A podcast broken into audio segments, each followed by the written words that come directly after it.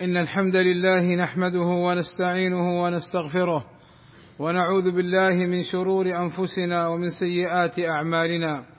من يهده الله فلا مضل له ومن يضلل فلا هادي له. وأشهد أن لا إله إلا الله وحده لا شريك له. وأشهد أن محمدا عبده ورسوله. يا أيها الذين آمنوا اتقوا الله حق تقاته ولا تموتن إلا وأنتم مسلمون. يا أيها الذين آمنوا اتقوا الله وقولوا قولا سديدا يصلح لكم أعمالكم ويغفر لكم ذنوبكم ومن يطع الله ورسوله فقد فاز فوزا عظيما ألا وإن أصدق الكلام كلام الله وخير الهدي هدي محمد صلى الله عليه وسلم وشر الأمور محدثاتها وكل محدثة بدعة وكل بدعة ضلالة وكل ضلالة في النار أما بعد فقد حث الإسلام على السعي في الأرض لطلب الرزق الحلال. قال تعالى هو الذي جعل لكم الأرض ذلولا فامشوا في مناكبها وكلوا من رزقه وإليه النشور. والنفقة على الأهل أعظم أجرا. قال صلى الله عليه وسلم دينار أنفقته في سبيل الله ودينار أنفقته في رقبة أي في عتق رقبة ودينار تصدقت به على مسكين. ودينار أنفقته على أهلك أعظمها اجرا الذي أنفقته على أهلك. ونهى النبي صلى الله عليه وسلم الغني والقادر على العمل عن سؤال الناس وطلبهم الأموال. قال صلى الله عليه وسلم إن المسألة أي سؤال الناس وطلبهم المال إن المسألة لا تحل لغني ولا ذي مرة سوي أي القوي القادر على العمل لعدم الموانع من مرض ونحوه. يقول صلى الله عليه وسلم ومن سأل الناس ليثري أن يزيد به ماله كان خموشا في وجهه يوم القيامة ورضفا والرضف هي الحجارة على النار ورضفا يأكله من جهنم فمن شاء فليقلل ومن شاء فليكثر. وعن ابن عمر رضي الله عنهما أن رسول الله صلى الله عليه وسلم قال لا تزال المسألة بأحدكم حتى يلقى الله تعالى وليس في وجهه مزعة لحم أي قطعة لحم. وقال صلى الله عليه وسلم إنما المسائل كدوح أي شقوق يكدح بها الرجل وجهه فمن شاء أبقى على وجهه ومن شاء ترك إلا أن يسأل ذا سلطان أو في أمر لا يجد منه بدا. وقال صلى الله عليه وسلم من سأل الناس تكثرا أي يكثر المال فإنما يسأل جمرا فليستقل أو ليستكثر. ولما كان طلب الناس ومسألتهم فيما فيه قال صلى الله عليه وسلم لو يعلمون ما في المسألة أي سؤال الناس وطلب الأموال منهم لو يعلمون ما في المسألة ما مشى أحد إلى أحد يسأله. وهكذا كان الصحابة الكرام رضوان الله عليهم لا يسألون الناس شيئا حتى في الأمور العادية والسهلة. فقد كان بعض الصحابة رضي الله عنهم يسقط صوت أحدهم فما يسأل أحدا يناوله إياه. وكان أبو بكر رضي الله عنه ربما يسقط خطام الناقة من يده فيضرب ذراع الناقة. فينيخها فيأخذه لئلا يطلب من أحد أن يناوله إياه فيقولون له أفلا أمرتنا فنناولكه؟ فقال رضي الله عنه إن حبي صلى الله عليه وسلم أمرني أن لا أسأل الناس شيئا فالمسلم يستعفف مما في أيدي الناس ويستغني بالله عز وجل عن الناس. قال صلى الله عليه وسلم من نزلت به فاقة فأنزلها بالناس لم تسد فاقته. ومن نزلت به فاقة أي حاجة. ومن نزلت به فاقة فأنزلها بالله فيوشك الله له برزق عاجل. وقال صلى الله عليه وسلم اليد العليا خير من اليد السفلى واليد العليا هي المنفقة والسفلى هي السائلة.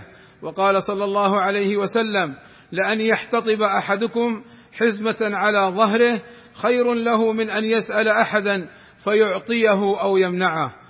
وأما من جاءه المال بلا سؤال ولا طلب فلا مانع أن يأخذه. فعن عمر بن الخطاب رضي الله عنه قال كان رسول الله صلى الله عليه وسلم يعطيني العطاء فأقول أعطه أفقر إليه مني. فيقول صلى الله عليه وسلم لعمر خذه إذا جاءك من هذا المال شيء وأنت غير مشرف ولا سائل أي لست متطلع له فخذه فتموله فإن شئت كله وإن شئت تصدق به وما لا فلا تتبعه نفسك. قال سالم بن عبد الله بن عمر فلأجل ذلك كان عبد الله بن عمر لا يسأل أحدا شيئا ولا يرد شيئا أعطيه. بارك الله لي ولكم في القرآن والسنة. ونفعني وإياكم بما فيهما من الآيات والحكمة. أقول ما تسمعون وأستغفر الله لي ولكم من كل ذنب إنه هو الغفور الرحيم. الحمد لله رب العالمين والصلاة والسلام على المبعوث رحمة للعالمين وعلى آله وصحبه الطيبين الطاهرين. عباد الله إن المسألة لا تحل إلا لمن كان محتاجا فقيرا عاجزا عن العمل والتكسب.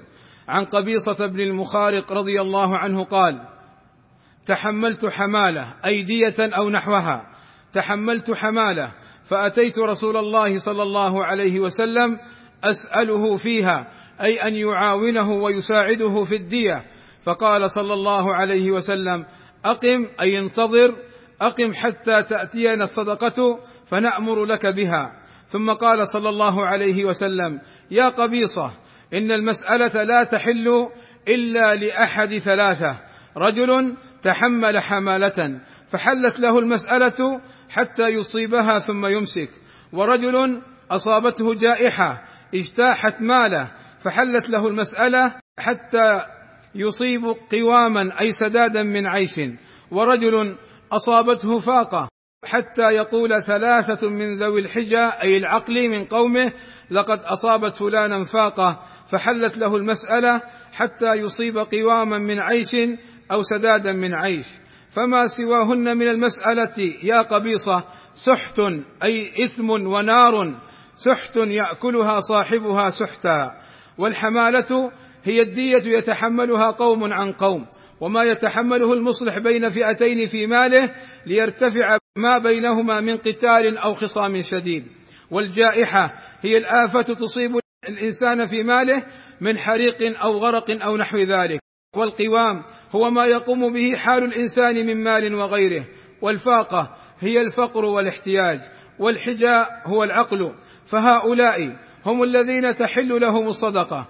وأما اتخاذ التسول وسيلة وطريقة لتكسب المال بغير حاجة وفاقة فلا شك أنه حرام.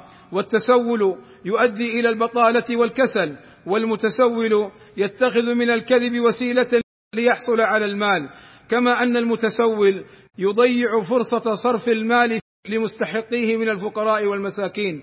كما أنه وجد الشركات ومنظمات تعمل على تكسب المال من طريق الأطفال والنساء والمعوقين فيجمعون المال الكثير بالتسول وقد يكون التسول لمصلحة أعداء الإسلام والدولة. والدولة السعودية المملكة العربية السعودية وفقها الله لكل خير. قد وضعت منصة رسمية منصة إحسان تودع من خلالها الصدقات والتبرعات وتسلم بإذن الله تعالى ويضمن وصول المال إلى مستحقيه وتمنع من استغلال هذه الأموال فيما يدعم من لا يستحق أو منع من يستحق. فليحرص أهل الأموال على أن يدفعوا أموالهم من طريق هذه المنصة لتصل صدقاتهم وزكواتهم إلى المحتاجين حقيقة لا إلى اللاعابين ولا إلى العابثين بل ولا إلى الإرهابيين. فكم رأينا أن الدولة تقبض على هؤلاء الإرهابيين ولديهم أموال كثيرة جدا. ولما حقق معهم ظهر أن هذه الأموال هي من الصدقات والزكوات ومن الأموال المخرجة للفقراء والمحتاجين. فلا تضع مالك يا عبد الله إلا في يد أمينة. عباد الله إن الله وملائكته يصلون على النبي. يا أيها الذين آمنوا صلوا عليه وسلموا تسليما. اللهم صل على محمد وأزواجه وذريته كما صليت على آل إبراهيم. وبارك على محمد وأزواجه وذريته كما باركت على آل إبراهيم إنك حميد مجيد. وارض اللهم عن الخلفاء الراشدين أبي بكر وعمر وعثمان وعلي وعن جميع أصحاب النبي صلى الله عليه وسلم. اللهم آتنا في الدنيا حسنة وفي الآخرة حسنة وقنا عذاب النار. اللهم فرج همومنا واكشف كروبنا ويسر أمورنا. اللهم اغفر للمسلمين والمسلمات والمؤمنين والمؤمنات الأحياء منهم والأموات. اللهم وفق ولي أمرنا الملك سلمان بن عبد العزيز لما تحبه وترضاه. وأصلح اللهم به العباد والبلاد واحفظه اللهم من كل سوء. ووفق ولي عهده الأمير محمد بن سلمان إلى كل خير. واحفظه اللهم من كل سوء. اللهم أيدهما بتأييدك ووفقهما بتوفيقك وأعز بهما الإسلام والمسلمين. وصلى الله وسلم على نبينا محمد وعلى آله وصحبه أجمعين. والحمد لله رب العالمين